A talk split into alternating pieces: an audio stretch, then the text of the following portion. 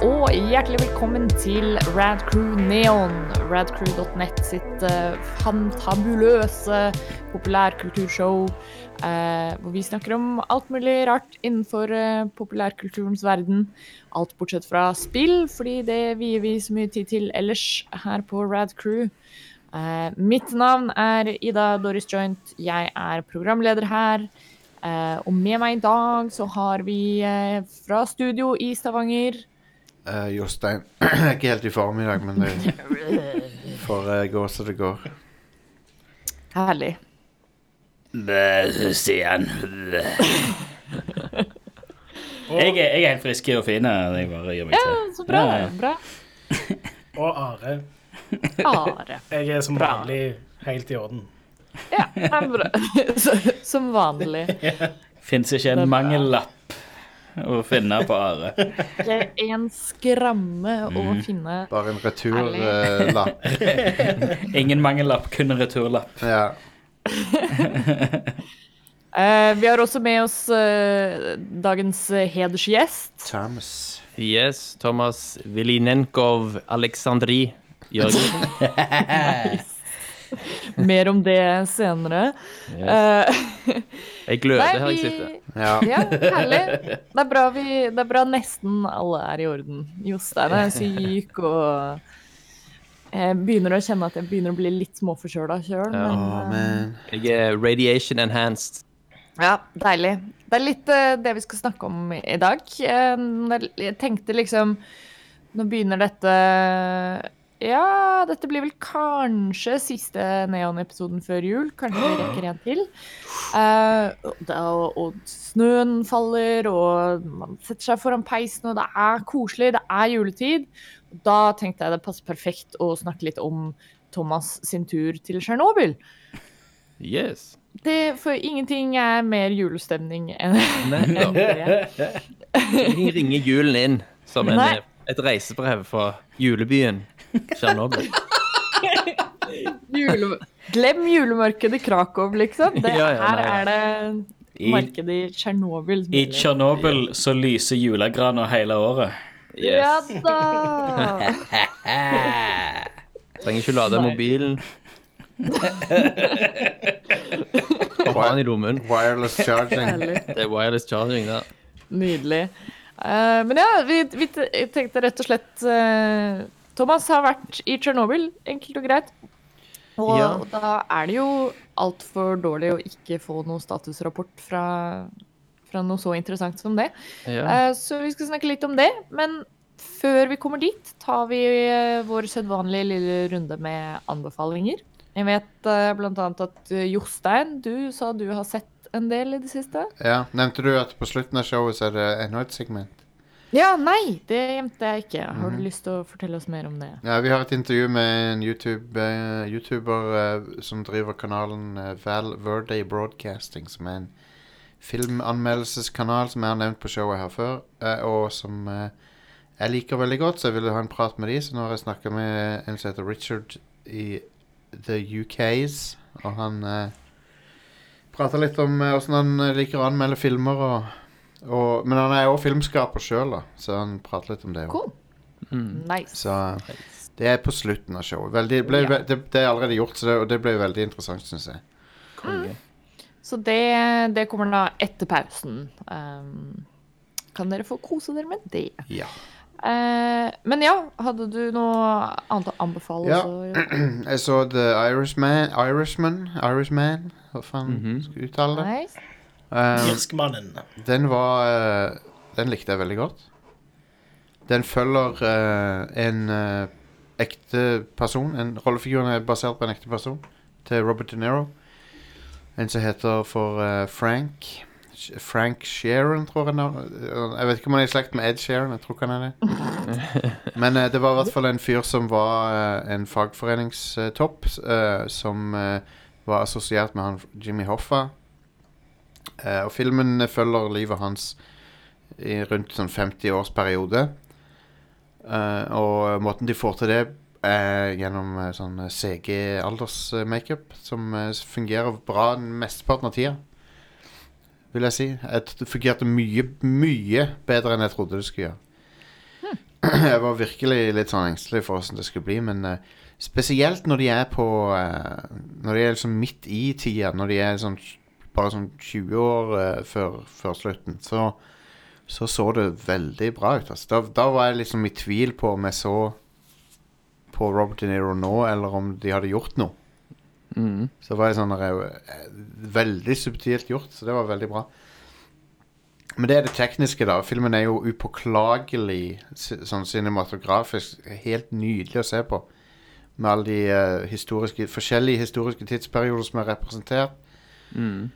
Og Joe Pesci er der. Han spiller en mafiaboss. Um, men han er ikke spiller totalt annerledes enn sånn som du forventer Joe Pesci skal gjøre. Så han, ja, så han er er mindre balltre og ja, han er mye mindre i stilen til Brando i uh, Godfather, for eksempel. ah, ja. Mye mer sånn en rolig tru Trusselen fra han er, er, er sånn derre Det sies ikke rett ut, liksom. Han, kan, han kan nikke til noen, eller liksom han kan antyde ting. Og så vet du at det, de, de folkene er fucked, liksom. så han bare, han bare liksom gir et lite vink, og så er det Så Stemmer. Unnskyld. Ja, ikke dø. Han, han var eh, høydepunktet for meg i filmen, faktisk. Sorry. Um, Robert De Niro, kjempebra. Uh, Al Pacino likte jeg mye bedre enn jeg pleier å like han. Han var, han var bitte litt tona ned, kanskje. kanskje derfor jeg likte han. Jeg syns Pacino pleier å være litt i meste laget. Litt intens. Men uh, han var, var veldig sånn, heftig her òg, men han spiller han der Jimmy Hoffa. Og filmen går uh, viser liksom litt av livet hans òg, da. Men det det til syvende og sist handler om, er åssen han hovedpersonen eh, Gjennom det han driver med, åssen han driver fra Driver vekk um, familien sin. Fordi vi ikke har noe mer han å gjøre etter hvert, fordi han er en uh, en voldsmann som gjør fæle ting på, på vegne av mafiaen. Ja. Han er jo en, han er jo en uh, fagforeningsmann, men han er jo også en mafiamann. Og eh, det handler om hvordan han eh, gjennom den livsstilen sin eh, liksom ikke Han mister evnen til å ha reell eh, sympati og empati. Og jeg syns det var en veldig bra fortalt film. Som, Ja. som jeg føler har fått mye urettmessig kritikk. Jeg ser folk har kritisert en del ting som at uh, Anna Paquin ikke har noe særlig med replikker i filmen. Mm. Um, jeg syns det blir feil å telle antall replikker og si om det er en bra rolle eller ikke for ei dame, basert på hvor Ja. mange replikker Ja. det er. Um, for eh, hun gjør en kjempebra rolle i den filmen, men ja, den er for det meste uten uh, replikker. Det, det er noen, men hun gjør en utrolig bra rolle i den filmen der, som uh, jeg virkelig følte for. Um, og det er på en måte en kontrast mellom alle disse her mennene som prater og veldig brautende mafiafolk, mange av de, mens, eh, mens hun i filmen er, er stille, men eh, hun, hun, du får liksom veldig eh, innblikk i hvordan hun føler det òg. Så, så jeg syns at det var en bra kontrast, egentlig. Men men at, at, at det burde være flere bra roller for damer med, med, med mer å si i film generelt, det, det er jeg helt enig i. Men eh, akkurat denne filmen her er litt bommert å klage på det, syns jeg. Personlig. Mm. Um, så ja, Scorsese han kan bare fortsette å lage filmer for min del. Han er kongeregissør. Jeg kan ikke huske Hva var det som var forrige filmen hans? Var det Wall Street, det? Wolf of Wall Street? Ja. Ja, det var det vel, ja. Ja. Den var jo fabelaktig, syns jeg. Ja, ja. Så eh, denne her var konge. Og så så jeg Tonja Harding-filmen I, Tonya Å ja. ja. med Margot Robbie. Og den er jo totale motsetninger. Jeg så de nesten back to back, de to, for jeg var syk i helga. Og, eh, Men den var Den var herlig, men den var jo veldig humoristisk presentasjon av ekte hendelser. Mens, eh, mens de ekte hendelsene i Scorsese-filmen De var jo presentert veldig eh, Veldig sånn eh, realistisk, da. Mm. Men denne Tonja Harding-filmen Den tar seg tid til å så, break the fourth wall og sånn. Du har karakterer som snakker rett inn i kamera og sånne ting. Som jeg ikke forventa. Ja. men den handler jo selvfølgelig om karrieren og livet til Tonya Harding og uh, hvor shitty redneck oppvekst hun hadde. men det er gjort på en morsom måte, da. Så er det sånn Ja, hun, hun, ble, hun var involvert i partnervold med mannen sin og sånn. Men måten de presenterer det på, så er det nesten sånn, sånn ko komisk på en måte. Det er veldig merkelig uh, gjort. Men, uh, men du får veldig sympati for Tonje Harding i, i den filmen, da. ja. Så om hun beordra det der uh, hit Ja, kne, det- knehit eh, eller ikke det Filmen har jo sin versjon av det. Og så vet vi jo liksom ikke helt eh, 100% åssen det var, da. Ja. Hun ble jo dømt for noe, men ja. straffen hennes virker sykt hard i forhold til Hun ble jo utestengt fra uh, kunstløp for alltid. Det. Stemmer det. Um, men ja, det, Margot Robbie, konge i den filmen der. Ja, hun er jo som regel alltid Det konge. strålende. Eh, hun er det, hun er dritbra. Også, eh, men så vil, jeg, så vil jeg trekke frem mora Hun som spiller mora til Tony Harding i filmen. Hun var uh, hilarious. Ja. Jeg vet ikke Jeg kjenner, husker ikke navnet på skuespilleren, men hun var veldig morsom. Og uh, en uf, ufyselig person. Mm. sånn skikkelig, skikkelig usympatisk menneske. Men jeg lo veldig mye av det. Så de to, begge de to er thumbs up, så det holder. Og jeg innser at de, de har jo ingenting noe med hverandre å gjøre, men det var de to jeg så, så derfor så sammenligner jeg de. ja. Mafiafilm og en kunstløpfilm. Men ja, Joe, Joe Pesci han har jo ikke vært i en film siden 90-tallet nesten, så det var helt konge å se han tilbake, og en så bra rolle. Uh, utrolig bra Herlig. spilt av han. Konge. Han har ikke gjort noe på dødslenge. Nei, han har ikke det. Han har ikke det. Og dette var virkelig bra, altså. Men eh, Stilig. filmen syns, et, et av filmens sterkeste kort, en Irishman, er at han Du har liksom fi, kanskje fire forskjellige tidsperioder i filmen. Og hver gang, de klipper, hver gang de klipper til en av de, så, er, så vet du med en gang hvor du er. Og det, Ah. det syns jeg var imponerende. Var sånn, du er aldri i tvil om hvilken, hvilket flashback du er i. Mm. Så det, jeg vet ikke hvordan han Scorsese seg gjort det, men du, bare, du er alt, aldri uh, lost. Selv om filmen hopper mellom f- mange tiår, liksom. Så det er sykt imponerende gjort. Konge. Men han er jo en legende, så han vet jo hva han driver med. Jeg vil si, jeg, jeg vil si Scorsese er han av de gamle, gode gamle fra 70-tallet. Eh, Spielberg, Lucas, Scorsese osv. Jeg vil si han er den som har holdt seg best. Holdt, holdt ferdighetene sine best i live. Mm. Mm. Jeg kan være med på den. Um, Spielberg har tapt seg, syns jeg. Men han er den nest, han er den nest Han er beste. produsent siden han. Ja, han er det. Mens eh, Scorsese han lager bangers ennå. Ja. Så Så ja. Cool. Det var meg. Nå skal jeg holde kjeft. Cool. Nice. Eh, noen andre som har noe spennende å anbefale? Jeg har en serie jeg gjerne vil trekke fram. Ja? Eh, det er jo mye bra for tiden. Eh, så kom jeg da over en liten serie på Amazon Prime som heter Fleabag. Ah. Eh, har dere hørt om den? eller sett Jeg har hørt om den? ja. Jeg er altså- har det er to... mitt liv hørt om det. Det er to sesonger. Seks episoder per sesong og 25 minutters episoder. Britisk og avsluttende. Altså Ja, nice. siste, siste episode, ferdig. Konge. Jeg liker det allerede. I siste scenen så er det en sånn liten subtle ting som skjer som gjør at jeg tenkte bare med en gang dette er slutt for godt. Konge. Så jeg skal Wow. ikke røpe hva det er, men det er bare liksom sånn ekstremt subtle. Dang. Men det er altså en helt insane serie. Så handler altså om ei dame som bor i London, og livet hennes Hun er singel. Uh, hun Altså, du får aldri vite hva hun heter. Så hvis du ser på IMDb, så er hun bare credit Altså, hun er bare angitt som Fleabag. Det er flere karakterer som ikke du får vite navnet på, uten at du egentlig tenker over det. Men det er Altså, hun, hun spiller så insanely godt, hun dama der. Wow. Og hun har òg eh, skrevet serien. Og liksom utvikla konseptet.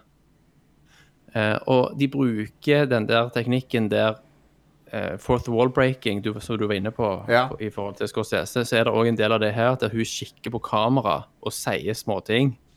Lynraskt. Sant? Huh. Hun dater en fyr. eh, han holder en eller annen tale for henne og sier liksom ah, Det er ikke lurt at vi er sammen. We're not gonna have sex tonight. Og så bare kikker hun raskt på kamera liksom. We're so gonna have sex tonight. Sant? Og så tilbake igjen.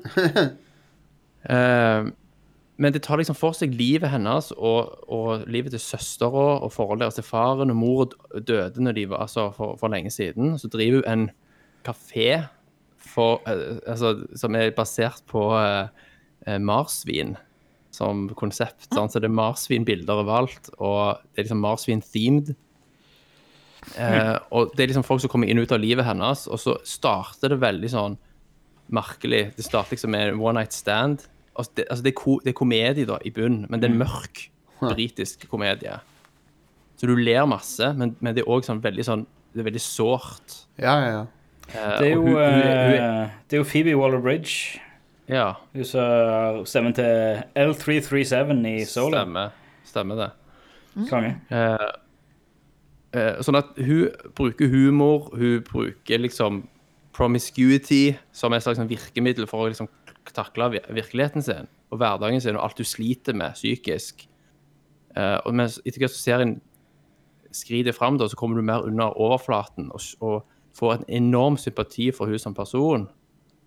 Så samtidig som du ler, så, så stikker det på en måte hjertet hele veien eh, når hun kommer opp i diverse situasjoner som er veldig sånn følelsesmessige og sterke. Så det er en, det er en sånn genial britisk balanse mellom humor og seriøsitet som bare britene klarer, etter min mening. Cool. Nice. Så det er raskt å se, at du ser han fort, og det, det er ikke noe der ute som ligner på dette her. Så jeg vil sterkt anbefale det. Fett. Det, uh, det var for øvrig uh, I, Tonya, som hadde sånn eh, fourth wall eh, breaking. Få Å ja. For noen kommer garantert til å påpeke det. Mm. Men ja. jeg skulle bare få det. Men ja, det, det hørtes eh, kult ut. ja, det er veldig unikt. Fleabag. Mm. Sjekk det ut. Det er Er det Prime Video som lager det? Ja, det er original. Nei, BBC, BBC står det. Ok, Kan det ja, jeg stemme? trodde det var en original. Eh, Gjerne samproduksjon. kanskje det er samproduksjoner. Kan hende. Men jeg har hørt om det, faktisk. Jeg lurer på om kanskje Laura så litt på det. Ja, Eh, og så fi- så jeg bare det, litt av det, for det virker veldig kjent. stemmer. Ja, jo, nei, jeg- jeg- stemmer det. Vet du hva, jeg, jeg gikk inn på Når En gang jeg kom hjem, så satt Laura og så på det. Så, Å ja, ja. så, så ja. Det virker dritfunny.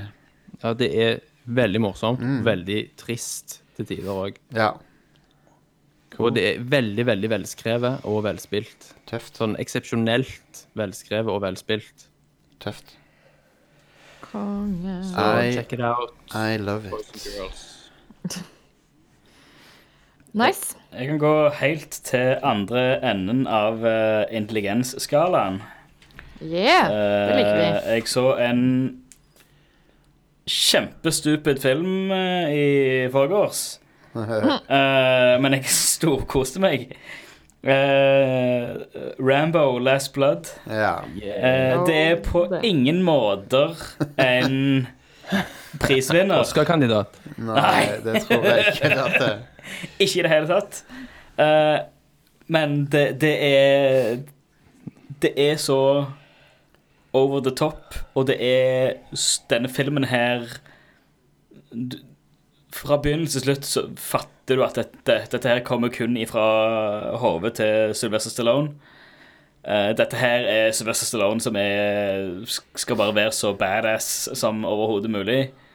Uh, det er så testosteronfullt og overmaskulint og blodig voldelig. eh, det er Du kan ikke gjøre annet enn å bare sitte og humre og le. Det er bare det, ja. 100 stupid. Uh, Det er litt rart at uh, Rambo og Rocky-franchisene nå har tatt uh, stikk motsatte Ja. retninger. For, Ja. for Rocky, inkludert Creed 1 og 2, så, så går de veldig på å gjøre Rocky min, mer sårbar og mer menneskelig. Ja. Mens Rambo mm. stikk motsatt. Ja. 100 andre, andre retning. Eh, basically så handler det om at han har jo uh, Spoiler for slutten til Rambo 4, men han uh, drar endelig uh, hjem til ranchen til, til faren, da. Yes. I mellomtida dette, er- dette her er jo Rambo 4 kom i 2008, så Ja. dette her er jo 10 år senere, elleve 11 år senere. Mm. I mellomtida så er det Eller det åpner med at det, det er jo kun Rambo og hun som tydeligvis var Altså om det var hushjelpen eller uh, type sånn uh, abuela, nanny Ja. uh, eh, som bor der sammen med hennes, eh, hennes barnebarn, eh, datter. Ehm, som er litt sånn små rebelske sent tenåringsjente. Eh, han er overbeskyttende, of course, uh, fordi han skal ta vare på sitt. Det er bare sånn han er, fordi han er tøffing. uh, hun ja, Premisset er dattera Hun uh, finner ut av hvor hennes uh, far befinner seg. Faren som forlot henne og mora i sin barndom. Mora har siden dødd. Uh, det, de, dette her foregår i Mexico Nei, foregår i Arizona. Hun stikker til Mexico. Finner faren. Faren er ikke en fin fyr. Uh, hun Det ene leder til det andre. Hun unwinder på en nattklubb. Hvor hun blir duppa ned og kidnappa av noen meksikanske gangstere som skal selge henne til et sånn Uh, Eller så holder henne fange i et sånn et prostitusjonsnettverk. Er det, er det Taken 4? Det er Taken uh, 72. Eh, eh, Eneste forskjellen er at når uh, Sylvester Stallone snakker til dem på telefonen, så skjønner de ikke hva han sier. A very particular set of skills. I, I, I, I, can, I can do stuff. Um, og det er liksom altså, Han begynner veldig sånn Ikke i Rambo-stil. Uh, begynner tregt. Uh, og det er en sånn slow burn fram til liksom klimakset, som er liksom hoveddelen av filmen, kanskje. Uh, som basically altså, ender opp med at han får uh, hele denne crewet som kidnappa hun jenta. Han lokker de til ranchen sin. Og selvfølgelig, siden han er en cookie gammel veteran, så har jo han gravd et sånn et uh, tunnelnettverk under hele ranchen. Ja. À la Tunnel Rats uh, Vietnam. Nice. Uh, og har jo selvfølgelig eh, satt opp eh, feller og shit eh, her, Diverse booby traps. Så det, det her, det er eh, Home Alone Rambo edition, ja. basically. Er Home Alone rated R. Ja. Så det, og det, det er basically det er her filmen begynner. Det er her Rambo begynner. Så, Det alle har venta på, da, helt fra starten. ja. Eh, det er jo den korteste Rambo-filmen som er lagd. Han varer i 1 time og 29 minutter. ah, blessed. Så det er, det er, det er sånn Blessed content. Ja, ja, ja. Så Det, det er good shit. Nice. Kjapt, og- kjapt og greit. Eh, Vi ser jo det, altså det som de fleste anmeldere har sagt. Det er så jævlig voldelig! Ja. Ja, ja. Det er så sinnssykt in your face overvoldelig. Det her er Ja. ultra-violence. Men bruker de uh, I fireren så, så var det mye CG-blod. Bruker, de- Ja. bruker de det her òg? Ja Uh, Dessverre så er det en del CG-blod og sånt. Det ser betydelig mye bedre ut nå, elleve år etter, Ja, etter det. Teknologien har eh, heldigvis forbedra seg. Um, men det, det er Jeg vet ikke, det, det er bare et eller annet med å bare se eh, Stallone gjør sin ting. Altså, det Vi det er oppfinnsomt. Vi burde jo se, vi burde jo se Rambo-filmene og så snakke om de. Det skulle vi gjort. Ja, Og det, de første er To bra To bra på starten. Den Ja. ene Eneren er dritbra. Det er en classic. Ja, Toren er veldig underholdende. Ja. Ja. Men de fortsetter jo å være underholdende. ja, ja. ja. Eh, jeg, jeg har faktisk nå, nå de siste, siste ukene så har jeg eh, Eller siste månedene, par månedene Når jeg har tid, så har jeg sett liksom en og en eh, Rambo-film. Så jeg har sett i eh, Har de ferskt i minne. Toren skrevet av James Cameron. Ja. Nice. Så uh, både treen eh, Både treen og firen var mye bedre enn hva jeg husker de var. Ja, OK. Eh, ok Jeg har ikke sett firen siden den gikk på kino. Ja. Jeg, jeg har alltid Eller jeg, har strengt tatt jeg har alltid hatt en forkjærlighet for firen. Jeg, Jeg likte det- den kjempegodt. Jeg synes det, den, den, er, så ja. den er så k- kul. Ja. Litt, litt uh, tasteless med volden igjen, men Ja. Da kommer du til å elske femmen. For det er må være ganske høy. Skal vi se. Overgår det Overgår det hot- liksom? overgår det Den hot shots? rekord, har ikke det? Er det mer drap enn Hotshots Part Død? Nei. Ne, Det tror jeg Det er ikke. the bloodiest movie Det er ever. Rambo Last Blood Body Count 115. Da, da tror jeg Hotshots Part Død fremdeles vinner. Ja, ja, ja. Det Det er 200 nå, men det er, sånn, det er jo bare juks. Han, står- han står og skyter, og så er det en counter på skjermen som viser hvor mange han dreper. Og så står det sånn "E- Equal to Robocop. Equal to Ja, ja, ja, stemmer. ja. Går det forbi uh, forskjellige franchise. Ja. Det minner meg litt om Det var et, det der Alpha Protocol-spelet. ja. Der eh, etter du var ferdig i en level, så fikk du statistikk over hvor mange orphans du hadde lagd med å Å, drepe folk. herregud. Ah, wow. For en herlig statistikk å gi i et spionrollespill spion-rollespill. Herregud, her, her fant jeg, her fant jeg eh, confirmed Altså on screen kills by John Rambo. Ja. First Blood, én kill. ja. Men, Ja. men den, er, Som den er jo litt er- tvilsom. Det er han som detter ut av han- helikopteret. Ja, Ja, han, det er jo- han forskyldt det, det er jo det at han hiver stein på Ja. helikopteret. Ja. Helikopteret skjener. Yep. Passasjeren i helikopteret detter ut. Yep. Så det er indirekte. Ja. Det, det, Men det er han som Gravity forårsaker det. Det er han ikke som, Rambo. ja, det er han som instigerer det. Ja, Så det teller. Eh, First Blood Part 2 75. Rambo 3 115. Jesus. Rambo 4 254. What?! Det er kanskje den den Eh, så er det vel i Rambo 3 Rambo 2 eller Rambo 3 så ble det nevnt at han har 59 confirmed kills fra Vietnamkrigen. Huh. Ja, ja. Så ja. Han har en del liv på samvittigheten, da, men alle had it coming. Yep. Der har vi. De, de tallene er jo bare tull. Ja, Hodges 2 er en tullefilm. Ja, ja. Ja, ja, ja, ja. Nei, se, nå, nå, nå var det Google-algoritmen som tok eh, grådig feil her. Eh, den 115, det var Rambo 3. Eh, der står ikke body count på Last Blood. Nei, OK. OK.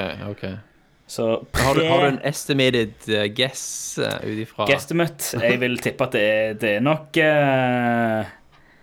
færre enn firen? Ja, ja, ja, ja, ja, ja. Det var det jo soldater sant, ja, ja, som ja. bare meide ja, nei, vet du hva det, det, Vet du hva, når du sier det, det, det er ikke så mange body counts. Jeg vil tippe 30-40, kanskje. Under 50. Ok. Ikke så mange bodyguards. Under 50. Men hver og en av de var sikkert veldig tilfredsstillende. Å ja. um, men det som er Shit. The, cop, the The eh, eh, Men det, men det, det, som er, det som er kult med, med Last Blood, at det, det er sånn Det er ikke noe krig, det er ikke noe eh, militia, man. Det er gangstere. Det er Mm. Det er ikke noe, det er ikke noe eh, Verden står ikke på spill Stemmer. i det hele tatt. Det her er bare en Det er det er feud. personlig. Ja, det, ja. This time it's personal. Mm. Så Nei, jeg, eh, jeg koste meg. Uh, Jeg kommer ikke til å vinne noen priser i det hele tatt. Han, han kommer verken til å vinne noe Oscar eller Razzies. For det er ikke noe Det er ikke noe elendig skuespill i den. Nei. Det er ikke noe kjempebra skuespill. Men det er ikke så- Det det er sånn eh. Hva er best av denne og Hotshots Part 2? Hot Shots Part 2. Ja, Herregud, det er jo en klassiker. Ja. Hva er det, hva du tar meg Det er jo, en, det er jo den tr- Jeg er en man of culture, eh, Jostein. Det er vel den nest beste Det, det er vel den nest beste Rambo-filmen, det. Hotshots Part 2. Ja, etter den første. Ja. Ja, etter First Blood, så er det liker det, det, når, han, eh, når de kommer og besøker ham på det der klosteret, og så, og så, så sier han om de munkene sånn These men have uh, sworn an oath of celibacy, like their, their fathers and their fathers before them.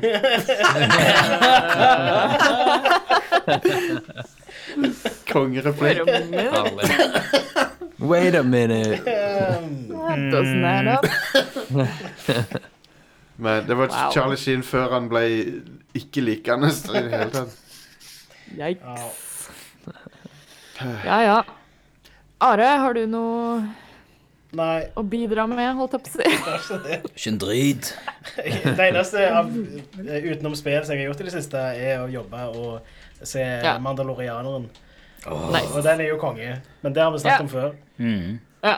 Og det blir nok en, kanskje en egen episode en gang. Sikkert. Det må vi, vi må ha en, eh, vi må ha en spoilercast. Ja. Ja, nå, nå er sesongen er ferdig, så vi har hatt en av de syv milliarder Star Wars-spesialene vi har. Jeg er snart på plass med en ny. Ja. Um, men cool. Da kan vi jo uh, egentlig hoppe rett inn i det ekstra koselige segmentet vi har i vente her i dag. Og Ja. grunnen til at Thomas er med oss, egentlig. Jeg har en eh, passende lyd her til det. Ok. ja. Nice. Nice. Clean touch. Uh, men ja, vi, vi har hørt rykter om at du eh, har vært i Tsjernobyl, Thomas. Eh, Det er korrekt. Hvordan, hvordan skjedde dette? Nå skal du høre, vet du. Uh, dette var opprinnelig en, en jobbtur til Ukraina, til Kiev. Oi. Eh, det var en tirsdag til torsdag-tur med kontoret, der vi besøkte fengsel og friomsorgskontor der nede. Jeg jobber i kriminalomsorgen eh, for tiden. Og eh, vi har et, sånt- et prosjekt som heter Norlab, som er sånn Hva skal jeg si Ukraina er jo et land som eh, har eh, girls, dype eller? røtter til Sovjetunionen, tidligere Sovjetunionen og Russland, og har jo et rettssystem og et fengselssystem som ikke helt har holder vestlig standard, Nei. For å si det forsiktig. Eh, Og de ønsker jo å bli medlem av EU, og for at de skal kunne bli medlem av EU, så må de up their game på en del områder, annet innenfor behandlingen av kriminelle, sant? straffegjennomføring, fengsel osv. Så, videre. så i den forbindelse så har vi noen ansatte som jobber i et prosjekt der nede, og har jobbet der ganske lenge, i over et år, eh, og inviterte oss ned da for å besøke fengselsfasiliteter så videre der nede, og møte noen av de ukrainske kollegaene våre. Så det var jo da tirsdag til torsdag, og det var jo interessant nok i seg sjøl. men så var vi da en gjeng som valgte å bli igjen til, til lørdagen. Og fordi vi hadde lyst til å besøke Tsjernobyl. Jeg var jo ikke klar over at det gikk an å besøke det, egentlig. At det var såpass tilgjengelig som det var. Så Kult.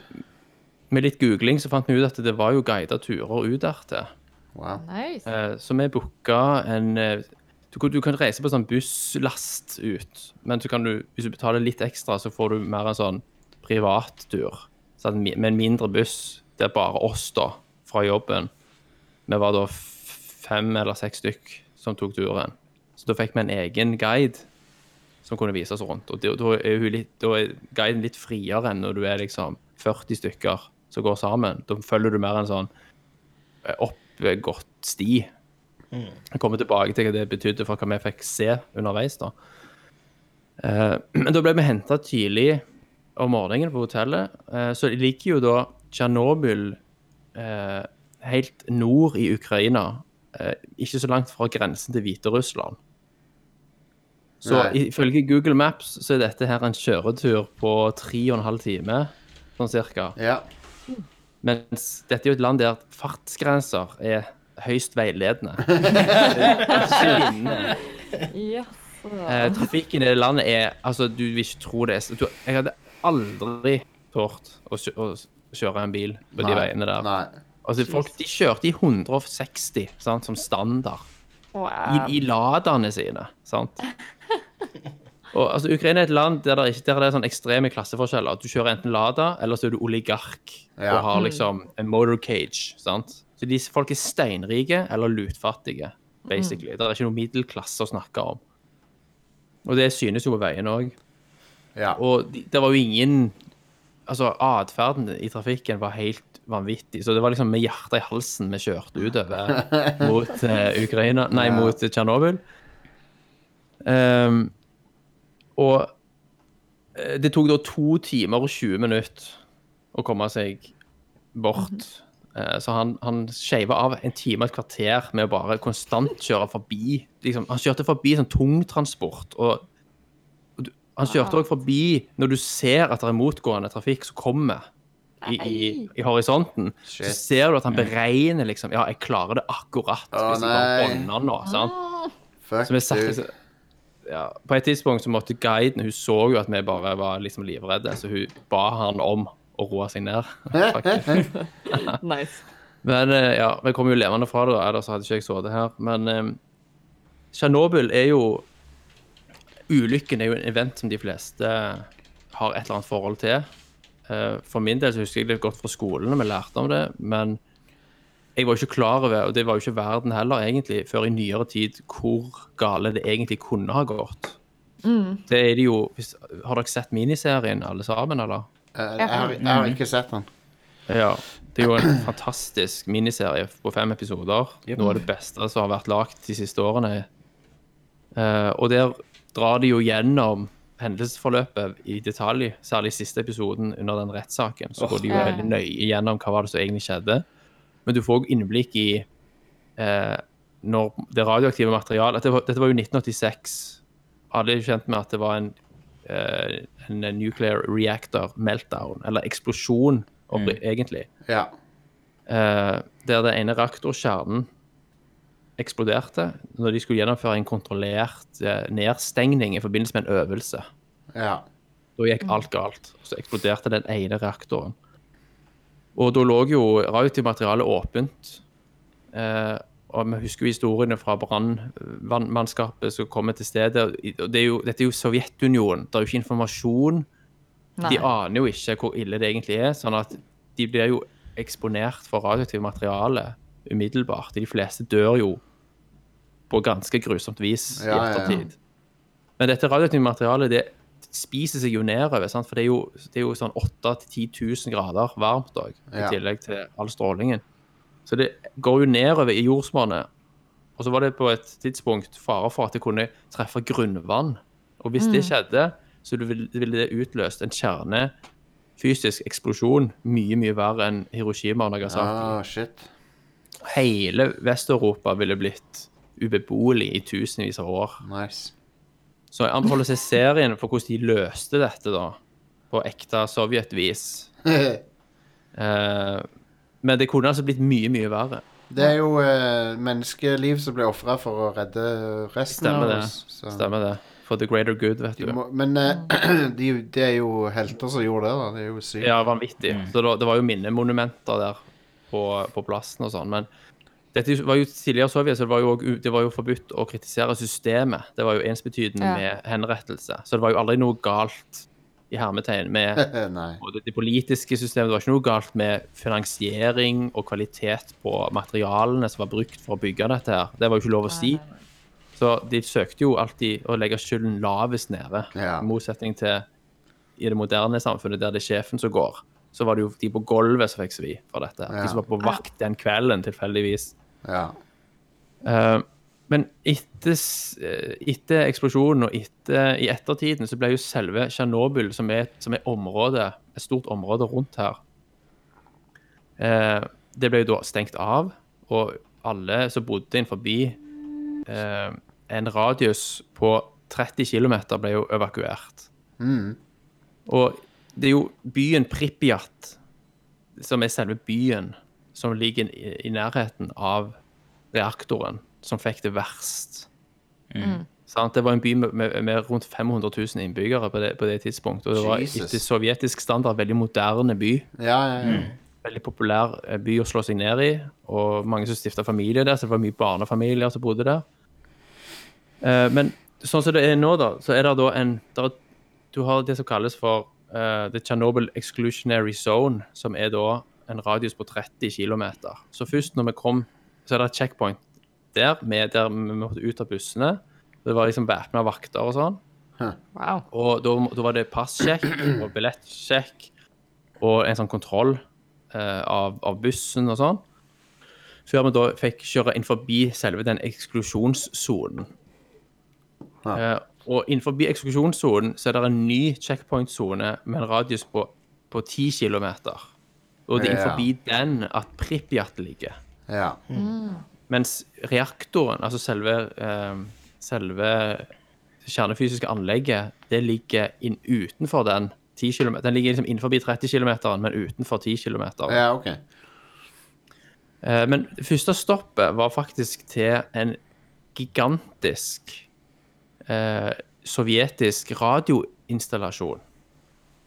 Eh, jeg har jo lagt ut noen bilder på Facebook-profilen min fra denne turen. Er det og det, der, var, er det det missilskjoldet?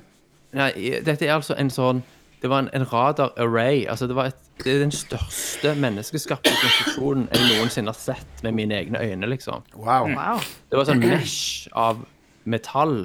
En gigantisk slab av, av liksom eh, metall som var liksom bygd til en gigantisk eh, eh, radar. Det, de sa det at det var, det var mer metall i den enn alt metallet i eh, Eiffeltårnet. Wow. Bare i denne her. Det er sykt. Jeg har sett bilder av den, eh, blant annet. eh, Du tok vel bilde av den? Jeg tok bilder av den, men bildene viser jo ikke størrelsen. Sant? Du blir svimmel når du står og ser på den, fordi hjernen klarer ikke å ta inn hvor stor han er. Så Men var er det- rett og slett fysisk svimmel av å se på han. Men var han ment å stoppe Ja, nukes? Det som var dealen med han, det som var helt fantastisk det var, altså, Han var så hemmelig når, når denne ble konstruert, at disse eh, eh, vitenskapsfolkene og ingeniørene som jobbet på han, de bodde på basen og hadde familien sine der, og det var forbudt å forlate og snakke om dette. her. Så det, offisielt så eksisterte ikke dette her greiene når, når, de, når de bygde det, og i, i startfasen. Det eksisterte to stykk i Sovjetunionen, og dette er den eneste som er igjen. Den andre ble revet på 80-tallet.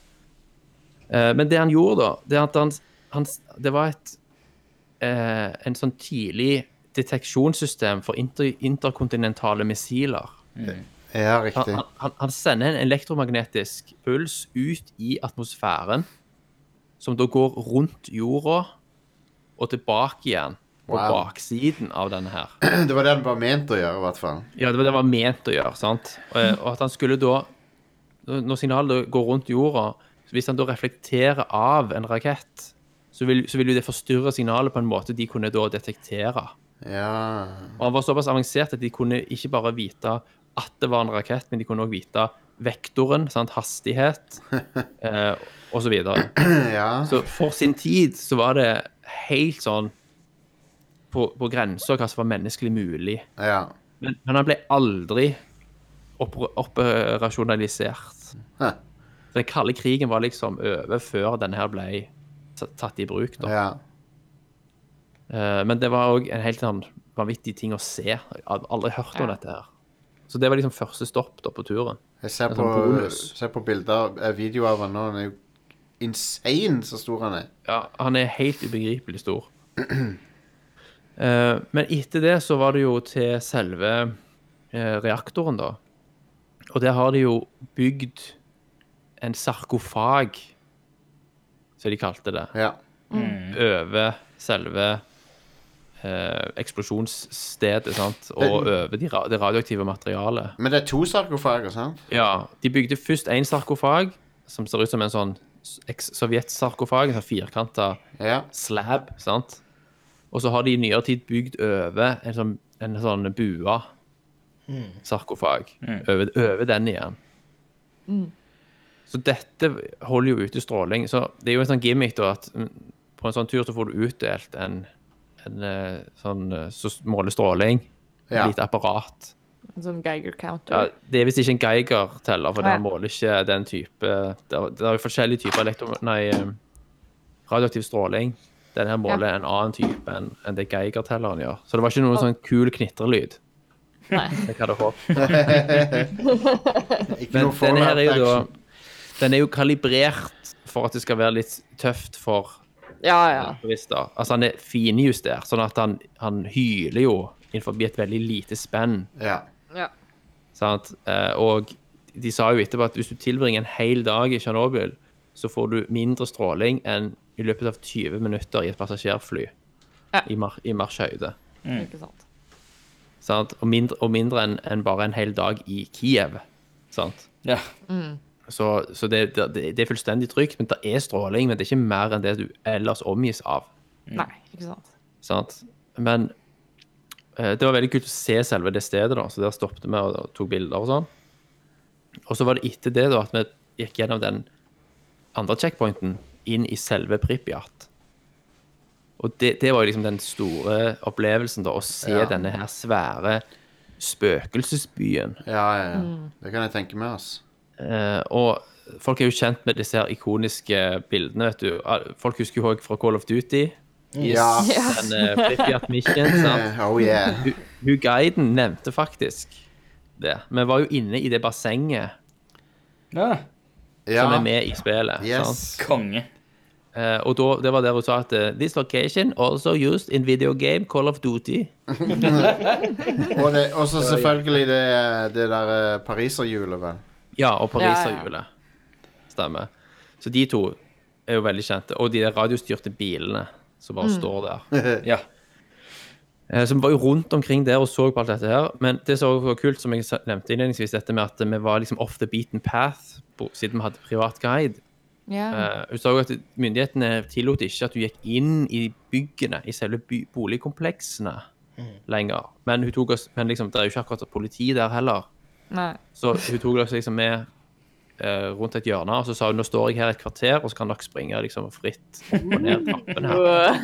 Nice. Og det var liksom sånn Det var så merkelig å bare være inne i et bygg der du så at det lå liksom private gjenstander igjen etter evakueringen. Det var notatbøker. Jeg fant en dagbok Wow. sant, med liksom kyrillisk håndskrift i. Sykt. Fant leksebøker og skolebøker. Det piano. Klatra helt opp på taket og hadde liksom 360 grader view. Og bare sto der og Da var jeg helt alene og bare sto liksom helt i ro. Så var det bare blikkstille. sant? Og du kunne se hvordan vegetasjonen hadde tatt tilbake byen. Det er, det er nesten som å være i et uh, dataspill. da. Ja, det var, det var liksom det. Jeg følte liksom at det var Last eh, of hva Us. eller. Stalker. Ja, Stalker. ja. Ja, Shadow of Chernobyl. Når jeg, ser på, når jeg ser på Google Maps ovenifra, så ser du også at det er super overgrodd. Ja, det gjør du. Du ser det godt på, på Google Maps. Eh, og så du kan også se hvor stort det er. Ja. Det er en svær by. Og så var det òg Det pariserhjulet og alt det der var jo en Det var en fornøyelsespark som skulle åpne sånn syv dager etter ulykken. Så den var egentlig Den var heller aldri tatt i bruk. Det var òg en sånn eh, arena som var bygd. Og de skulle, de skulle liksom ha leker og diverse sånn sportslige arrangementer. Alt var liksom planlagt. Og ingenting ble noensinne brukt pga. Wow. av ulykken. Wow. Så alt var liksom urørt og, og nedrusta. Det er sprøtt. Eh, ja, det var, og guiden hadde òg med seg bilder fra hvordan det så ut før ulykken. Så hun holdt opp da mot ruinene. Så hun fikk tatt noen tøffe bilder liksom av Ah, nice. hvordan det egentlig så ut i forhold til hvordan det nå ser ut. Eh, og det var masse biler og busser som bare lå rusta og henslengt. Folk slapp jo bare det de hadde i hendene. sant? Ja, ja, ja. Ble, du, de, måtte vel på, de ble vel evakuert med busser? De ble Ja, de gjorde det. be beordra til å evakuere. Det var Ja. bare bank på døra. Dere skal komme nå. Stemmer det. Nå skjer det. Hun sa, hun sa at det, noen år etterpå så fikk folk Det var et sånn vindu på så og så lang tid der, der de kunne gå tilbake for å se gjennom tingene sine Ja. og hente ut ting Ja, okay. som de ville ha med seg. Så, så veldig mange benytta den anledningen til å, å gå tilbake og hente noe greier. Men det var mange som ikke gjorde det, og mesteparten var jo umulig å få med seg eller Ja. sant, ubrukelig. Uh, men åssen er det med, med radioaktiviteten av forskjellige ting og tang der borte nå, da? Ja, altså det var metallgjenstander. Det er ikke lov å ta på noe. Sant? Nei. Fordi metall for eksempel også, det absorberer jo en del Ja. stråling. Så vi- vi fant Eller vi gikk eh, forbi et kumlokk, blant annet, som bare lå, som lå på siden av veien. Så jeg tok den, den der telleren og la ned på den, og da bare holdt jeg den på liksom, og altså, den gikk bare til full. Wow. Nice. Gylte som en gal. Det er spooky. Det er litt spooky, men det er samtidig, det er samtidig helt innenfor verdier som er Ja, ja. akseptable.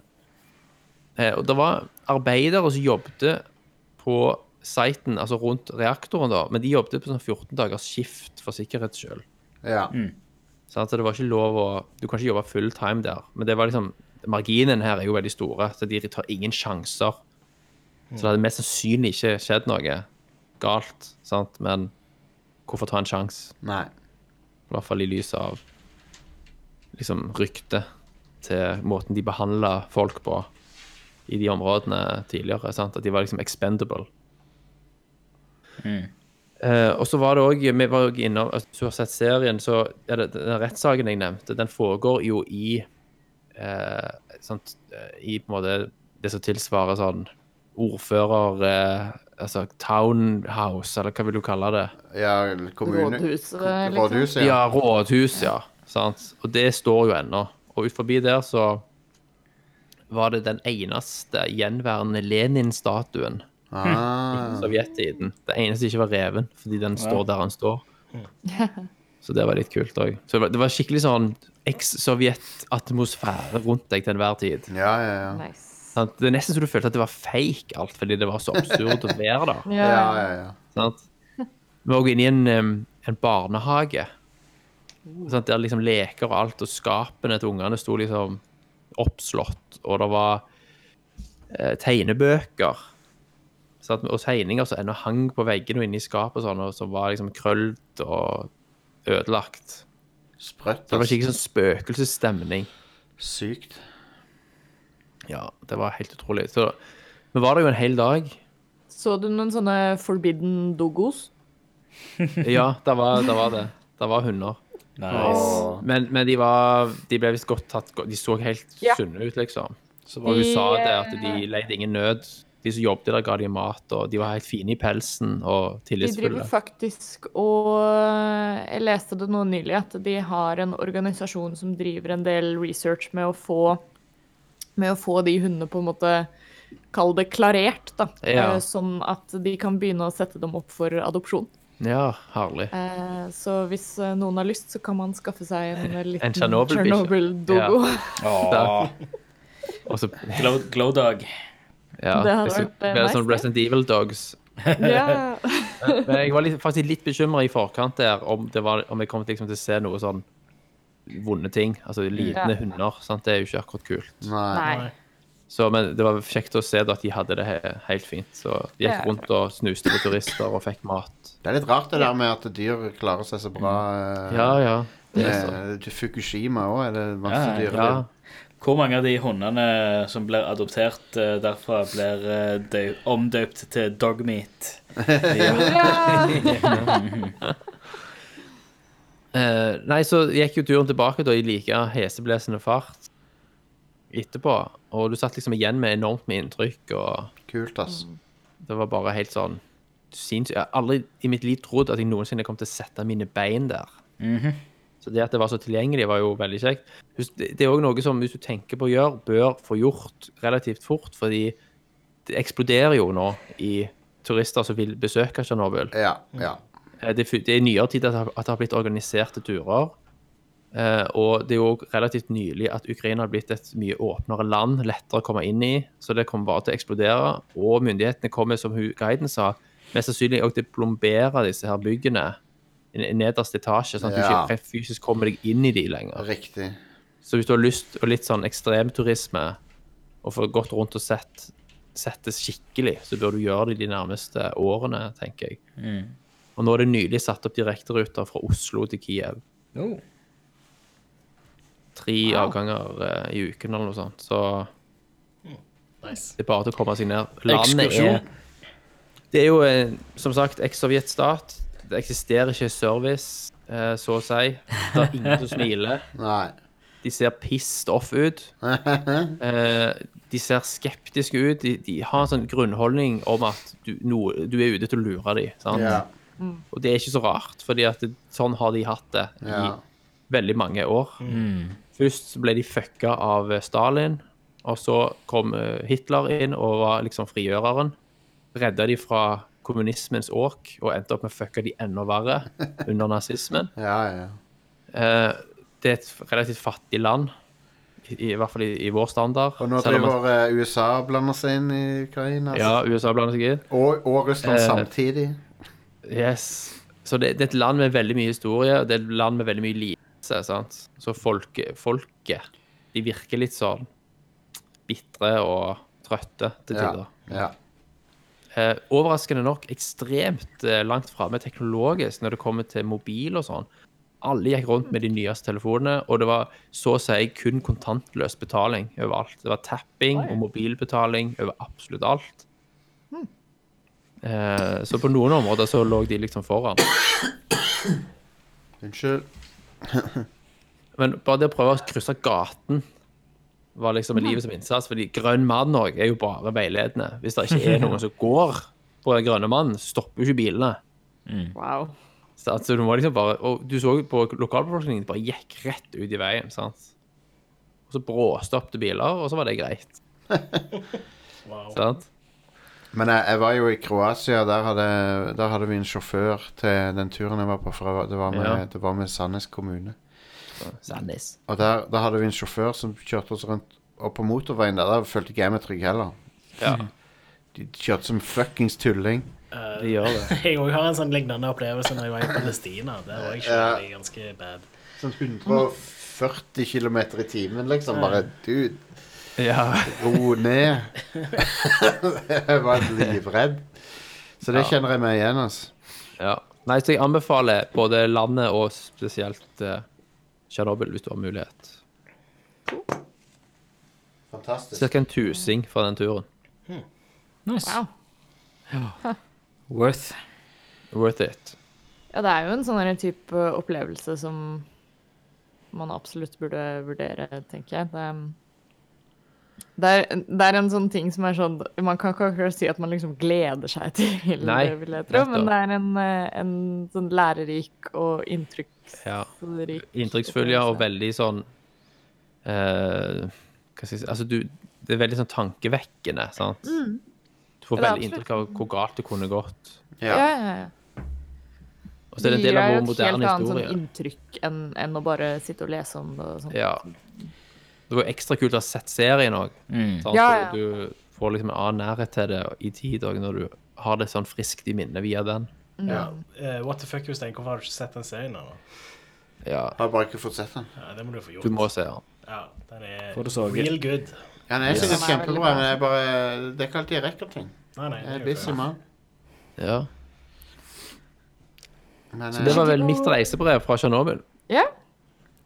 Nice. fantastisk. Det var kongeinteressant. Mm. Ja. Eh, Cool. Ja, jeg har sykt lyst til å reise. Ja. Og se.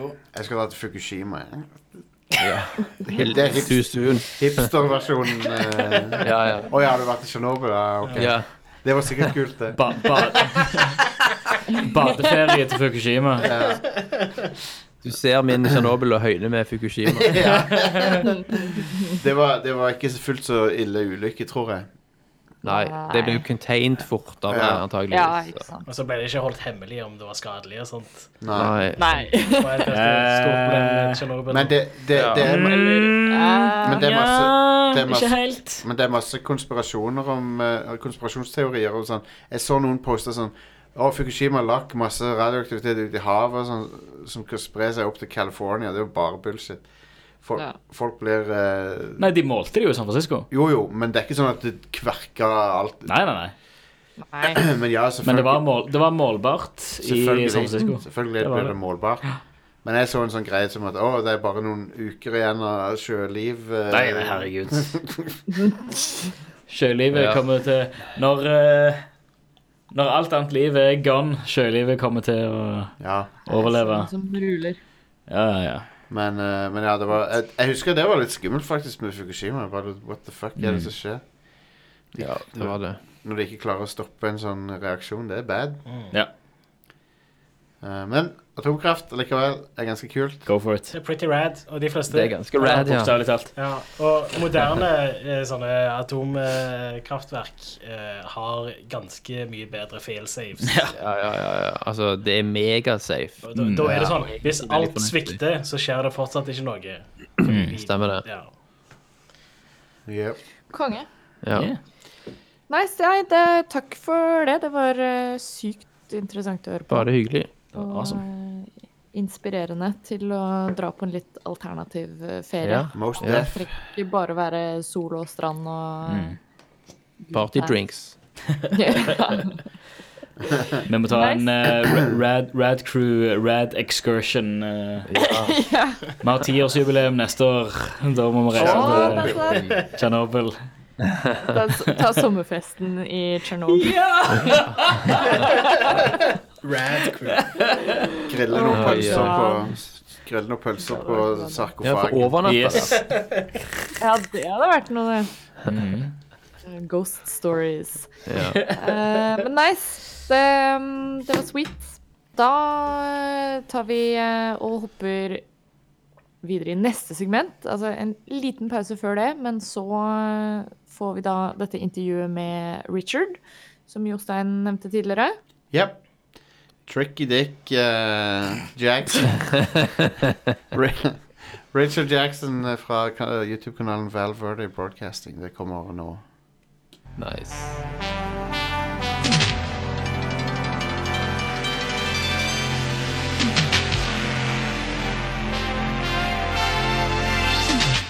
Okay, I'm uh, here with uh, Richard Jackson off of the YouTubes.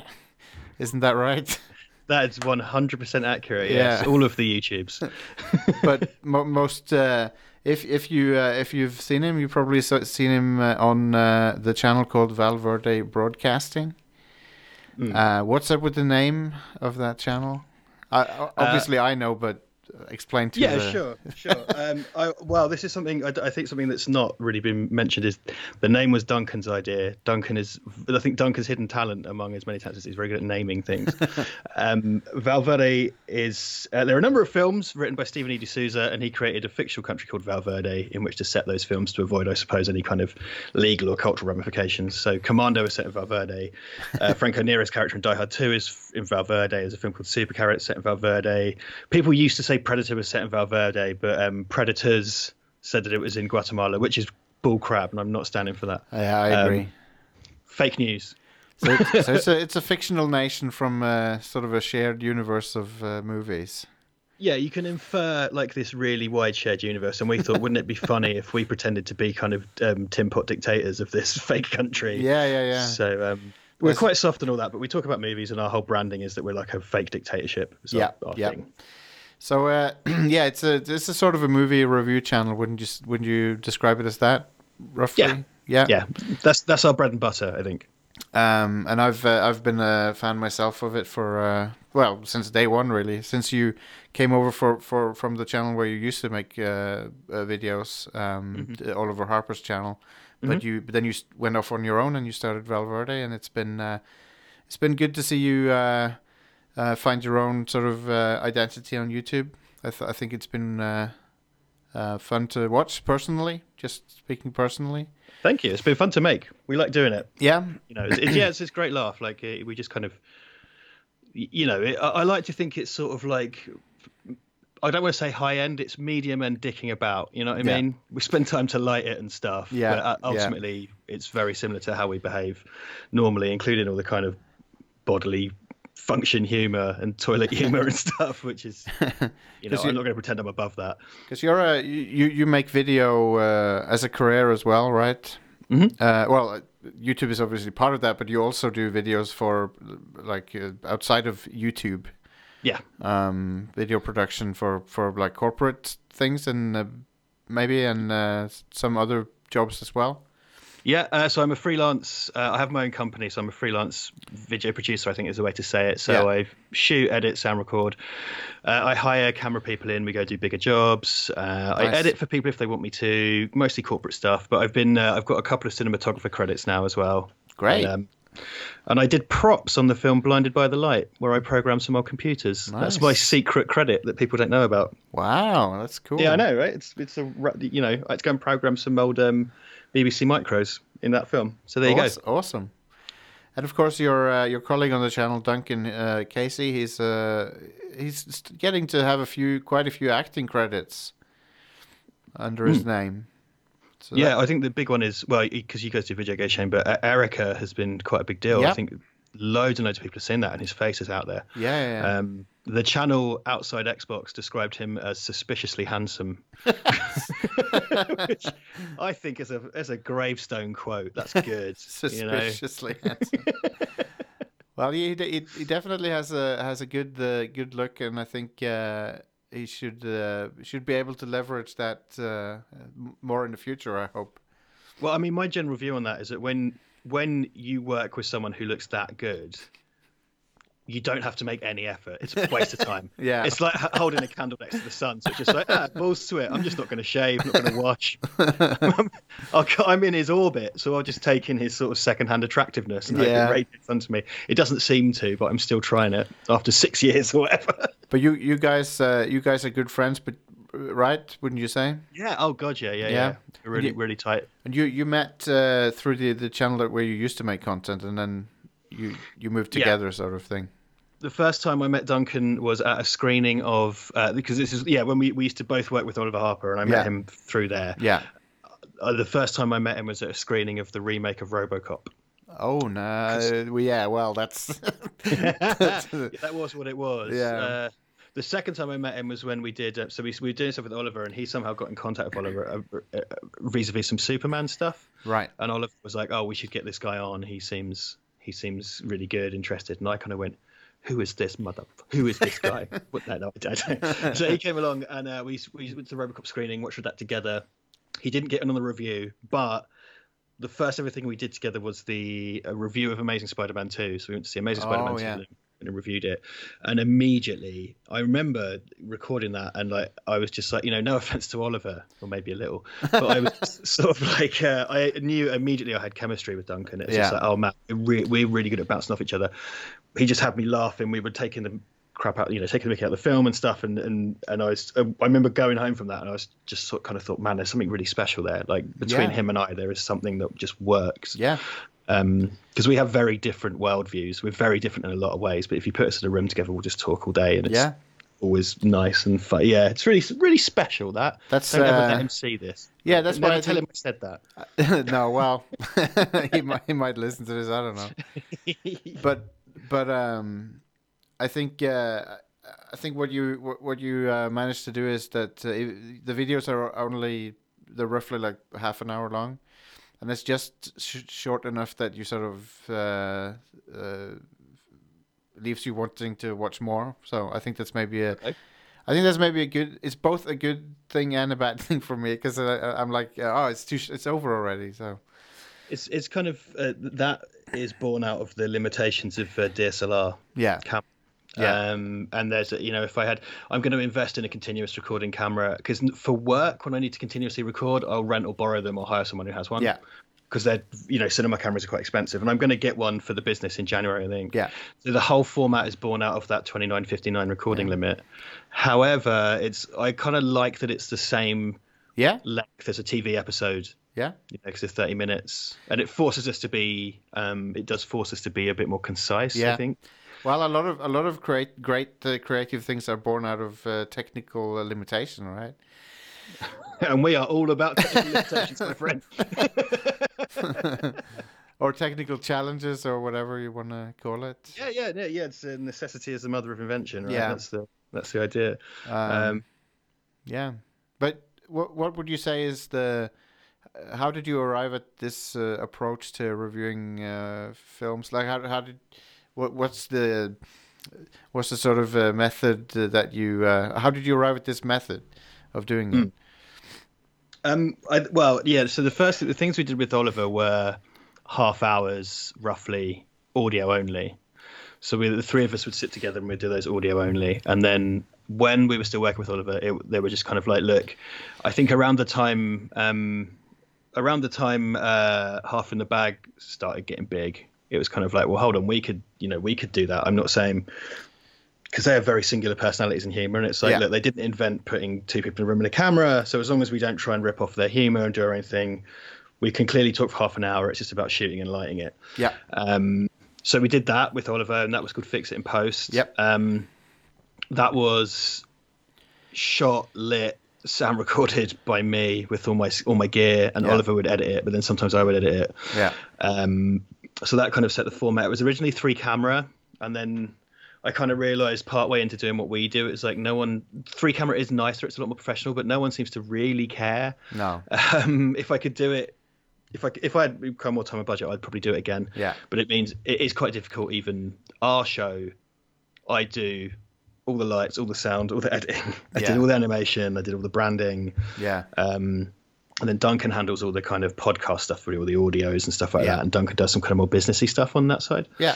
Um, so it just kind of evolved into this space where it's half an hour, it's a single camera. It came from what I've just described, and now we've kind of got the formula down, I think. Yeah. Um, and there's not a huge desire to change it, particularly at the moment, unless a big kind of change happens behind the scenes and there's more money or Yeah. you know Yeah. whatever. Because obviously you're uh, you're uh, mostly uh, Patreon funded, right? Because or, or or is there Yeah. some money in YouTube as well? YouTube's pretty hopeless, man. Yeah. Uh, I've got to say. Like, Yeah. what, what what I will say. So we are we got monetized quite early on. You only YouTube will only pay you when you meet the sixty pound ad revenue threshold. Right. So on average from YouTube, we get sixty pounds every two months, which we then have to split. Yeah. So yeah. we get about fifteen pounds a month in ad revenue. Yeah. Um, what does help is so I do gaming streams sometimes, and Duncan's jumped on the gaming stream, and sometimes we just do streams where we Yeah. just talk. Yep. And people, what's been really surprising uh, is like people actually put their hand in their pocket and give you money. Yeah. Um, and I remember once when I started. I did. I start. Well, I broke my leg earlier in the year, so I was kind of incapacitated. So I was doing a bunch of gaming streams, and I was doing a Resident Evil Two stream, and someone gave me fifty quid, Yeah. And I just immediately felt awful. I was just like, "Oh my god!" It's like, don't give me that. What are you doing? Well, it's part of the Um, streaming culture now. That's how it is. Yeah, man. You see these kids on. you see these kids on Twitch. um, but, but you do. You see these these young people, and they make thousands and thousands of pounds. Yeah. absolutely insane. Yeah, It's insane. Um, so that helps. Every Yeah. now and then we'll do. If we do a stream together, which is rare, we we sometimes get like hundred quid in tips. Yeah. Which is crazy, and you know it's more than we make in a month on ad revenue. And but like you say, anyway, to digress because I've horribly gone off track. Yeah, Patreon. Patreon is what keeps it going. Yeah. Patreon keeps the lights on. Absolutely. Yeah. Um, we never. I don't think we push that particularly hard. We always say it's there. Like everybody who's there, we're really grateful for because they all jumped on. We opened our Patreon and it had gone up to hundred pounds within twelve hours. Yeah. And it's gone up and up since, which has been incredible, really. Excellent. Because the support for us has been really, really nice. Yeah. Well, that's excellent. Um, there's certain uh, there's certain topics you like to uh, to return to on the channel, and I assume that's um, well, I, I, the same thing happens with us too here and uh, on our podcast is that uh, we have our interests and then we often seem to return to them. Uh, I notice uh, Judge Dredd is one of them. Uh, but that, that's you, right? That's mostly you. That's That's because I'm a shocking bore with a very narrow area of interest. if it But- was up to me, if someone just drew a face on a balloon and put it in front of me and said, "Talk to that about Judge Dredd," I'd just do it till I starve to death. yeah, I'm I'm the same with uh, film music. I think soundtracks, so I can okay. bore okay. people to death with that. Um, Yeah, I can I could see why you would um uh I can see why you would have seen the appeal of Oliver's channel because he's he knows all about that. yeah, yeah, Like movie soundtrack stuff absolutely. I mean, he yeah. I, I, people listening won't really probably know, but uh, you know we're not on good terms anymore. He Yeah. and I, but I'm I'm an honest man, and I'll give him his credit that he's uh, an encyclopedia of knowledge, and particular film soundtracks. He will Yeah. tell you anything, and it's that's a really big focus of interest for him. Less so for me. I know a bit, yeah. but you know, you no doubt know a load more than I do. Well, we all have our uh, things, I guess. Hmm. Uh, But you're both, uh, both you and Duncan uh, are very much into Terminator, right? And Arnold in general, Arnold movies in mhm. general. Mhm. Um, and uh, Duncan Casey is like a b- big Bond fan. Mhm. um, but not so much you, maybe. No, I, I think the way it works with Dunk, what you see on our channel is the kind of Venn diagram. It's the middle of the Venn diagram. Yeah, That's exactly. where we intersect. Because, like, yeah, I like, I don't, I've never really got Bond. No. He doesn't do Star Trek. You know, I do. Oh, yeah, of course, yeah. the way I kind of like, you know, this this is the way I view Duncan, and I think this is this is kind of how the energy works. Because I like, I like all things that are kind of uh, to to paraphrase a Red Dwarf episode, all things that are low and base. So all the kind of like trauma movies and the B movies and the kind of grotty weird stuff I love, Duncan won't touch. Yeah, Duncan likes kind of nice, high end, sophisticated things. yeah. So if he's like a steak dinner, I'm I'm half a Big Mac that was found in a bus stop being eaten by a stray dog. You know what I mean? Yeah. And, but in the middle somewhere, in the middle of the Venn diagram, the two things meet, and that's why quite you know, quite often we'll meet on a day of shooting, and we've both been so busy because both of us have multiple jobs, and my main thing is video production, which keeps me. I go, you know, I've been. I've been away from home probably every other night for Yeah. about three months working on stuff. Not Yeah. not like that. Uh, so we will often meet up on the day of the shoot, and then we haven't planned what we're going to talk about. Hmm. And it's like, and that speaks to the strength of our relationship is that we can just go, oh God, what are we going to do? Uh, okay, Gremlins, and then there's half an hour right there, no stress, just Yeah. comes out, just rolls out. Yeah, I can Um, uh, I can relate to that. Sometimes this uh, you got to think of something fairly quick to do. Well, it's just uh, yeah. You, you, I mean, you know, you know what it's like. It's a it's a um, it's a mill, isn't it? It's Yeah. a it's a meat grinder. Like you put content in, and it has such a short shelf life. Yeah. Having a back catalog is really important because that's how people find you. But in the moment, and that's when these things are supposed to make their money. In the moment, they just um, they just go. You know, twenty four hours, forty eight hours. They've had their their immediate life, and then that's it. What's um, since you started the, the the new channel? What's been the most? Uh, what's the video that you've been the most pleased with, um, personally, like creatively speaking? Hundred percent. The one that stands out above anything is the um, Expendables top ten video. Oh That- yeah, I which is remember that completely one. it's it's the only one of those that's why it's an odd one for me to choose because it's not our usual format but it, there's a website called what culture and it's very specifically uh with you know with parody parodying what culture Yeah, yeah, yeah.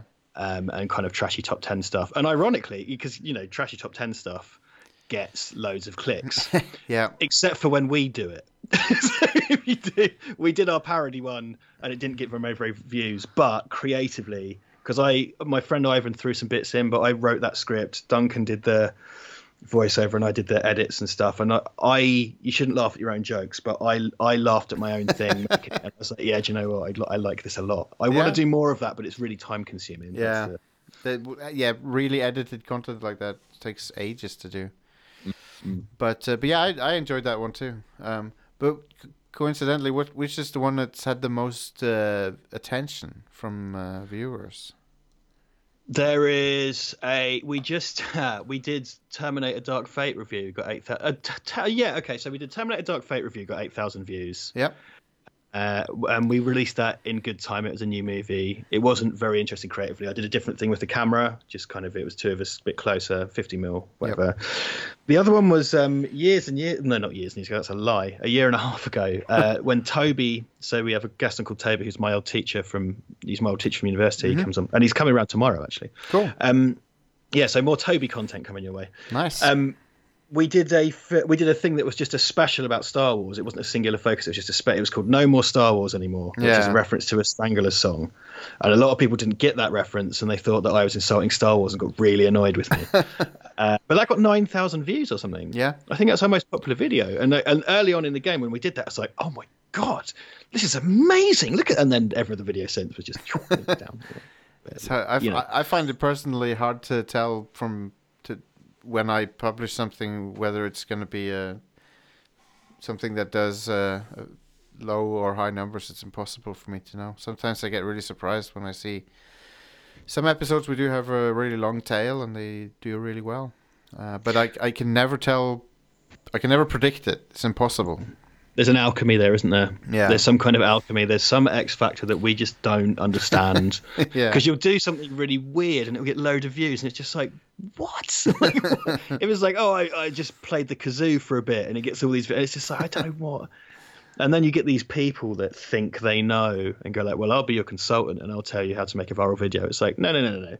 Nobody tells anyone how to make it. You might as well be saying you're magic, as far as I'm concerned. Yeah. Because no, if you knew how to do that, you wouldn't be a consultant. You'd be sitting on a yacht somewhere. You know what I mean? Yep. Um, yeah, I don't know. It's weird, isn't it? It's so strange looking back at your own. And again, as you as you know, you look at your own stuff and what does well, and you just sort of go, "What happened? I don't know what." Yeah, exactly. Yeah. Um, apropos uh, Star Wars, uh, Mm. are you ready to uh, to watch and review the uh, episode nine when it comes out? Yeah. yeah, out of sort of uh, out of bloody minded obligation. Yeah, you have yeah. to. Do you, are you are you going to cover it in any way? Or Oh yeah, You're- yeah. We're probably yeah. gonna have a review episode of it. Um, and uh, I quite, I quite personally, I know you didn't, but I enjoyed uh, episode eight quite a bit. Um, It's very divisive, though, isn't it? Because the thing is, I, I never said I hated it. I said it No, was because uh, this is the problem with a lot of people people who watch stuff on the internet. If you're kind of lukewarm or kind of mildly receptive, they've decided that you either hate it or you love it. yeah, yeah, Yeah, I thought it was just kind of a five out of ten. I found it kind of weirdly paced and Yeah. stuff, but I wasn't kind of like because it looked great, right? And the Yeah. music was amazing and yep. it's great performances. I don't know. Yeah, Star Wars. Anyway, back to the point. Yeah, we're going to review it. Um, we need to get tickets and stuff. I don't know what it's going to be. I've I've got a feeling like owing to their lack of planning, it's going to be a hell of a lot of course correction. Uh, I think so too. really? I think so too because I think they uh, they want it to be well. J- J- you get J.J. Abrams when you when you want to have something uh, extremely safe uh, Mm. hmm and uh, pretty much exactly what people expect it to be. I think that's what the Force Awakens was, wasn't it? Really? Yeah. It was just so. I mean, you can say what you like. I, I just kind of think they ran out of story. That's that's what everyone always said. There was nothing really more. Now I will say this. Uh, I don't know. I think it's the same in Norway, but uh, the Mandalorian comes out in Europe in March, and it, and it's not available to watch in this country because uh, you have to wait till March. And Yeah. anyone who has seen it in Europe has committed an act of illegal piracy Yeah, absolutely. if I had seen the first few episodes, theoretically, theoretically, if I had seen them, I would probably say it's the best Star Wars thing since Return of the Jedi. Wow. But having not seen them because that's illegal piracy, Of course, yeah. we can't be sure until March. Yeah. Can't be sure until March. But I reckon, just throwing it out there, it might be the best thing they've done yet. I really like Rogue One, actually. I, I I enjoyed that too. I kind of, I, of all the stuff they've done, I kind of like that the most. Yeah. Yeah, I I, think, but I, keeping in mind that my level of Star Wars enjoyment these days is kind of low to middling. So, you know, I'm kind of the same. I'm I'm uh, I'm gonna watch it, and I'm but I'm mostly into it to hear the the John Williams music at this point, especially since it's gonna be his last one and stuff like that. yeah, right. And the, the the old boy's getting on. I think we're we're he's a treasure, isn't he? We're lucky to have him at this point. Yeah, yeah, it. yeah. Uh, uh, though, uh, yeah, I really liked um, when the Last Jedi trailer came out. There was a theme in that trailer that I don't think really got used, particularly in the movie, and it was kind of dun dun dun da da da dun. Oh, dun. Do you yeah. remember that kind of march that was a bit sort of? It's really cool. It's a really lovely theme, Yeah, and it's, I don't remember it featuring in the movie particularly. uh, a lot of the, a lot of the time it'll be a, a production house doing the trailer music and stuff. So Uh, okay, tells you what I know. See, don't know anything about music. um, but sometimes they'll like take material from in in in Star Wars trailers to like take some material from the previous film and have a production house do like a remix of it. and, uh, You- yeah, because Star Wars, you have to have yeah, you know, you have to have the music. You can't suddenly have a track by Cindy Lauper on a Star. well, let's. I mean, what- that would be amazing. Th- maybe they should do that. Um, with her. Listen up, Star Wars. Here's when you're going wrong. Um, but yeah, what's uh, what's uh, in the future for uh, Val Verde Broadcasting now? Well, uh, I'll give you a, a kind of an exclusive, I guess, but it's not that exciting actually. Um, so we are looking at making a kind of fiction short. Oh, Um, yeah, and we thought we would do that kind of under the auspices of, like you know, Valverde. I, I have my own business, right, as Yep. a videography thing. Valverde Broadcasting, we consider that a business that Duncan and I kind of co-own. yeah, And the idea is that because we sell merchandise and stuff for Redbubble and whatever, the idea is that we could then, you know, make something under Valverde Films, for example. Oh yeah. Um, so there is near to where we both live. There's an enormous abandoned RAF base. It's been abandoned for about 30 years. Um, so it's essentially like an abandoned mini town that's all wrecked. And um, my friend Tom Kennedy is a published author. He had a book out called uh, Dimly Lit Meals for One, which I, I really recommend. It's really funny. He's, he's a very dark soul. And there's a there's a page in there about my breakup, which is quite funny. Um, funny than it sounds. um, what we've said is, uh, Tom, we have this location, we have this actor in Duncan, we have a director and kind of equipment guy in me. You're a writer, can you write this? Cool. So I don't know what the story is, neither does Duncan. We've gone to Tom and said, Here, here's what you've got. We want you to write or something. Um, and we've also talked about possibly something in the kind of documentary sphere as well. Nice. If we can get a good topic, and it's sort of. I just worked on a documentary in the summer um, about Robert England, which I enjoyed very much, and I made some good connections and stuff doing that. Awesome. So there's maybe a documentary, but yeah, we want to make a a, a fiction short. But other than that, um, more every Monday. Every Monday, it Yeah. ain't break and commentaries, podcasts, funny stuff. Yeah. that's going to just keep going as is. That's our kind of bread and butter. Never never stops. That's it. The endless mill. Of, uh, and the great thing about doing these things every Monday for over a year is that you get to be really, really embarrassed of anything that's older than six months. Yeah. Yeah. Hopefully, uh, your uh, your leg will be okay this Christmas. So uh, Oddly enough, because listeners don't know probably, I went down to Brighton to my friend Will's uh, Christmas party yeah. uh, on the Friday before Christmas. We went to the pub for a meal, went back to his house, and I broke my leg in a freak accident. Mm-hmm. So to avoid that, this Christmas, going to Will's Christmas party at Yeah. the pub the weekend before Christmas, then going to a party at his flat afterwards. So I'm doing the exact same stuff nearly a year to the day. Mm. Break the other one, break my skull. Is it? Uh, well, I hope it. I hope it's not cursed, so so it happens again. I mean, I am definitely an idiot, but I don't know if I'm that much of an idiot. so get back to me on the 20th of December. yeah. Well, of course, you made a video about it. That's and that's how uh, and that's how people know it happened. Um, but yeah. Of course, yeah. I forgot. Yeah, I was so high when I did that because I was just on morphine and codeine and laughing gas, and I was just like, I'm going to tell the internet what happened to my leg. Which is probably not terribly bright, but there you go. well, you got to do some vlogging, I guess, uh, from from uh, hos- the hospital bed. Very popular video. Yeah. A very personal tragedy and a thumbnail of a man in a hospital bed. It's absolutely where it's at. I'm sorry. Sorry to remind you of that uh, accident. I didn't mean to bring it up. Uh, Oh, dude, I think of it every time I look at my knee. Don't worry about it. It's, uh, or do anything, every time I eat a bowl of cereal. oh dear. Um, well, if pe- people should go and check out the channel. Uh, it's uh, Valverde Broadcasting uh, on YouTube. Uh, definitely go check it out. I've been a fan since uh, day one, and um, I'm pretty sure I've mentioned it on this show before as well. Um, I, I, I no, I know I have. I know I have, and um, and uh, is, what's the Patreon uh, URL? I think it is just, I don't know. I'm putting think it's you just on the spot. patreon.com forward slash Valverde Broadcasting. Yeah, yeah. Well, they, they can search Yeah. for it. They can search for it. They can. But God, whatever you do, Fine. watch the content before you give any money. You don't, you don't know what you're getting into.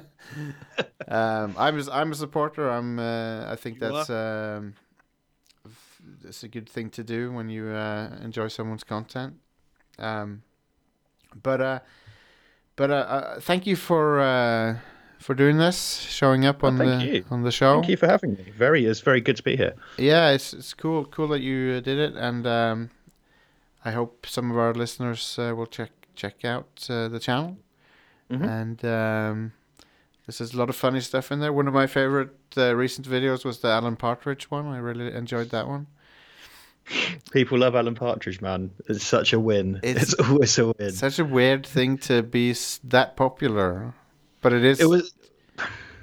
It's crazy, isn't it? yeah, but it really is. And you can just sort of, I think I mentioned in that video, you can just walk into a group of people of a certain age and Yeah. just go, done! And it will set them all off yeah, without fail. It's, It's- it's absolute madness. it's crazy. Um, but yeah, thank you again, and um, see you uh, see you around on the internet. Yeah, man. Uh, I look forward to the tweets. Jepp, jepp.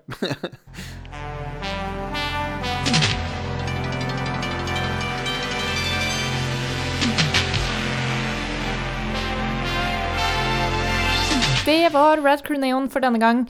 Takk igjen for at du hører på og støtter oss eh, i alt dette som vi holder på med. Har du lyst til å støtte oss litt ekstra, så kan du gå inn på radcrew.net slash keepitrad. Der finner du informasjon om premiumprogrammet vårt, om hvordan du kan støtte oss på f.eks. Patrion, og bli en del av moroa der. Det gjør at vi kan finansiere studioet vårt, og at vi kan kjøpe inn nytt utstyr. og eh, holde på med morsomme, artige ting som da igjen kommer tilbake til deg i form av eh, god underholdning. Ta også og Sjekk ut eh, alt annet vi har gående på radcrew.net. Eh, massevis av eh, podcaster og timevis med underholdning du kan finne der. Eh, ta også og Sjekk ut eh, Radcrew Community på Facebook og Radcrew Discord-serveren eh, for å snakke med masse likesinnede og med oss om alt mulig rart. Kanskje du ikke syntes Thomas var utfyllende nok i sitt reisebrev og har lyst til å stille han flere spørsmål om Tsjernobyl. Det kan du gjøre i Radcrew Community hvis ønskelig. Eh, og så får dere ha en riktig fin dag videre, og eh, ikke minst en god jul. Eh, mest sannsynlig så får vi ut en episode til før jul, men inntil da så får dere bare kose dere videre med denne fantastiske desembermåneden. Og så snakkes vi i neste episode av Rad Crew Neon. Ha det bra!